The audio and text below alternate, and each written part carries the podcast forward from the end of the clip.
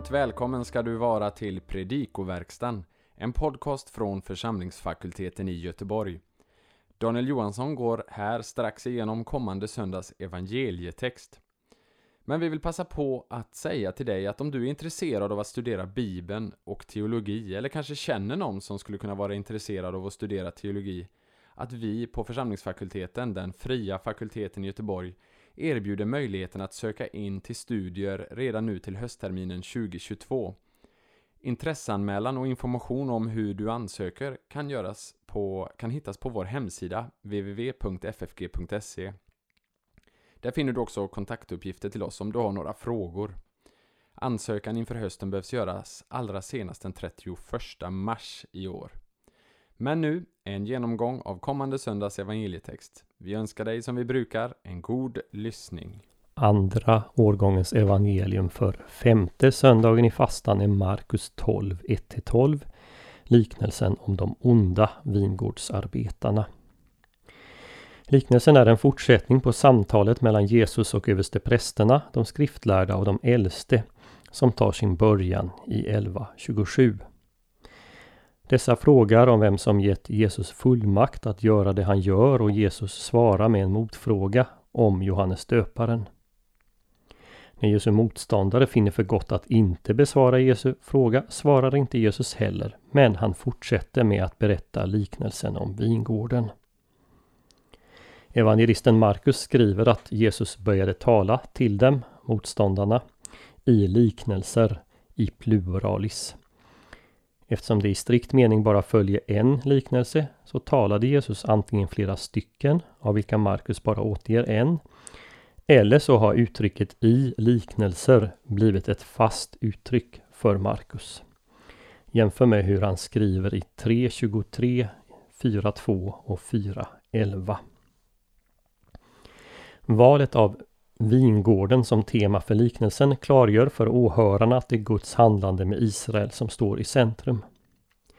Vinträdet eller vingården som en bild för Israel är välkänd i Gamla testamentet.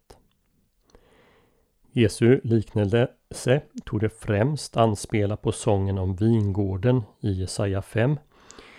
Inledningen påminner nämligen starkt om inledningen till Jesaja 5. Men liknelsen återspeglar samtidigt de sociala förhållandena på Jesu tid. Det var inte ovanligt att rika markägare i Galileen arrenderade ut sin mark. Det avslutande bibelcitatet kommer från Psaltaren 118, 22-23, vilket är från samma psalm som citeras i föregående kapitel i samband med Jesu intåg i Jerusalem, nämligen i 11.9. Det här är ju för övrigt samma händelse som nästa eh, söndag i kyrkoåret handlar om.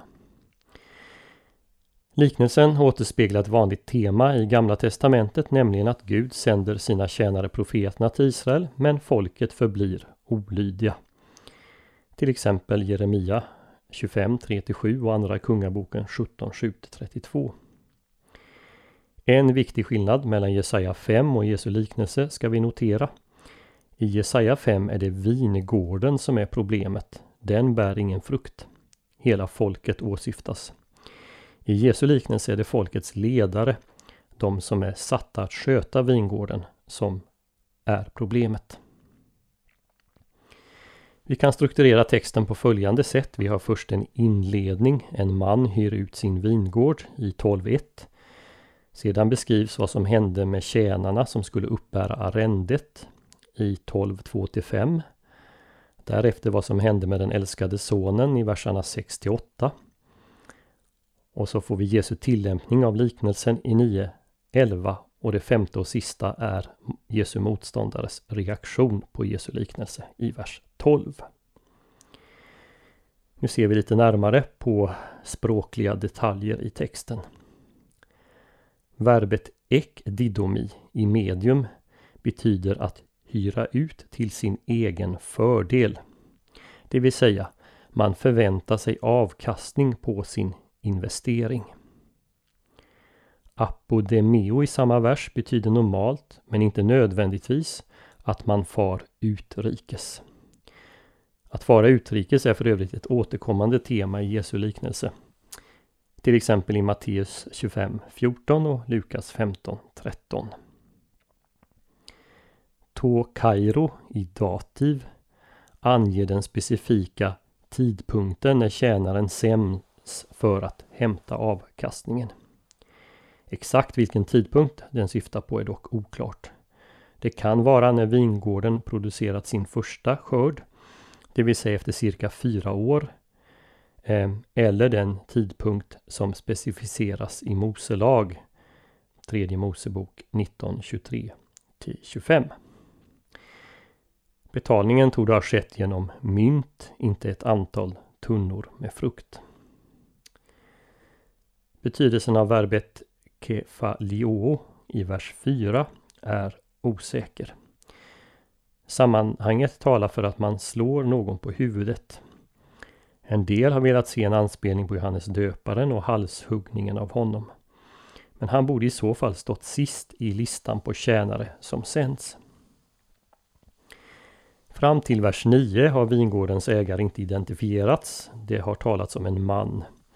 Men i vers 9 specificerar Jesus ägaren närmare. Hokyrios to ampelonos. Bibel 2000 översätter Kyrios med ägare, liksom många engelska översättningar. Folkbibeln översätter med herre med liten bokstav. Men sammanhanget kräver, menar jag, stor bokstav. Situationen är given. Det handlar om Gud och Israel. I Jesaja 5.7 identifieras Herren Sebaot som vingårdens ägare. Vingårdens ägare i denna liknelse är också Herren, Israels Gud. Frågan Ode ten grafen tauten an egnoti i vers 10 är retorisk och förväntar ett jakande svar, nämligen att de läst skriftstället. Kefalén Gonias i vers 11 blir ordagrant ett hörns huvud, men det brukar översättas hörnsten. Många uttolkare har förstått det som grundstenen i en byggnad. Men både grekiskans Kefalä eller hebreiskans rosh syftar mer naturligt på en sten på toppen av byggnaden som läggs på plats till sist som avslutar byggnationen och som också är en sten som man lägger märke till. Poängen är oavsett tolkningen att en sten som byggnadsarbetarna först kastar bort för att de ansett att den inte passar blir byggnadens viktigaste sten. Till sist noterar vi att det inte finns något subjekt till de finita verben i tredje person pluralis i vers 12. De som avses är översteprästerna, de skriftlärda, de äldsta som omnämndes sist i kapitel 11, vers 27. Evangelieboken löser den här problematiken genom att byta ut det personliga pronomenet mot dessa tre grupper alldeles i inledningen av läsningen. Det som alltså är Markus 12.1. Liknelsen om vingården är Markus mest allegoriska liknelse och många detaljer har sin tydliga motsvarighet i Israels historia och samtiden. Något som Jesu motståndare också uppfattar enligt den sista versen. Ägaren är Gud, vingården är Israel, vingårdsarbetarna, är översteprästerna, de skriftlärda, de äldste, tjänarna är profeterna och den älskade sonen är Jesus. Tornet och vinpressen används också som metaforer i den judiska litteraturen för templet respektive altaret i templet. Men det är oklart om dessa var tillräckligt tydliga för att uppfattas av åhörarna. Att profeternas budskap inte alltid togs emot väl framgår vid en ganska ytlig läsning av Gamla Testamentet. En lite noggrannare läsning visar också att flera av dem blev misshandlade och till och med dödade. Läs till exempel vad som står i Första Kungaboken 18.13 19.10-14 Nehemja 9.26 Jeremia 26, 20-23 med flera ställen. Jag har listat dem och fler ställen i pdf-en till den här podden på FFGs hemsida. Förföljelsen av Jeremia beskrivs i detalj i boken som bär hans namn. Och enligt senare judiska traditioner som finns beskrivna i skriften Profeternas liv blev många skriftprofeter martyrer. bland annat Jesaja, Jeremia, Hesekiel, Mika och Amos. Temat med förföljelse och död för profeterna var alltså allmänt känt i Jesu samtid. Två frågor inställer sig när vingårdens ägare till slut beslutar att sända sin son. Hur kunde han riskera sin egen älskade son och sända iväg honom när han visste hur hans tjänare blivit behandlade? Och den andra frågan, hur kunde arbetarna tro att de skulle få ta över vingården genom att döda sonen? Ja, en möjlig förklaring på den senare frågan är att de antog att fadern var död när sonen kom och att med hans död så skulle äganderätten tillfalla dem som arrenderat vingården under lång tid. Här kan vi för övrigt notera anspelningen på Josef-berättelsen och eh, Josefs bröders avsikt att döda honom i Första Mosebok 37.20. Kanske vi ändå inte ska söka en rationell förklaring. Jesus tecknar istället en situation som är både överdriven och absurd för att driva hem sitt budskap och det gäller båda de nyss ställda frågorna. Men verkligheten var faktiskt ännu mer absurd. Gud hade om och om igen sänt sina profeter och Israel hade inte lyssnat. Nu sände han sin egen son och han visste vad som skulle ske med honom. Vi får säga att verkligheten överträffar dikten. Liknelsen beskriver hur sonen dör men det finns en fortsättning. Den kristne läsaren vet att sonen kommer att återuppstå.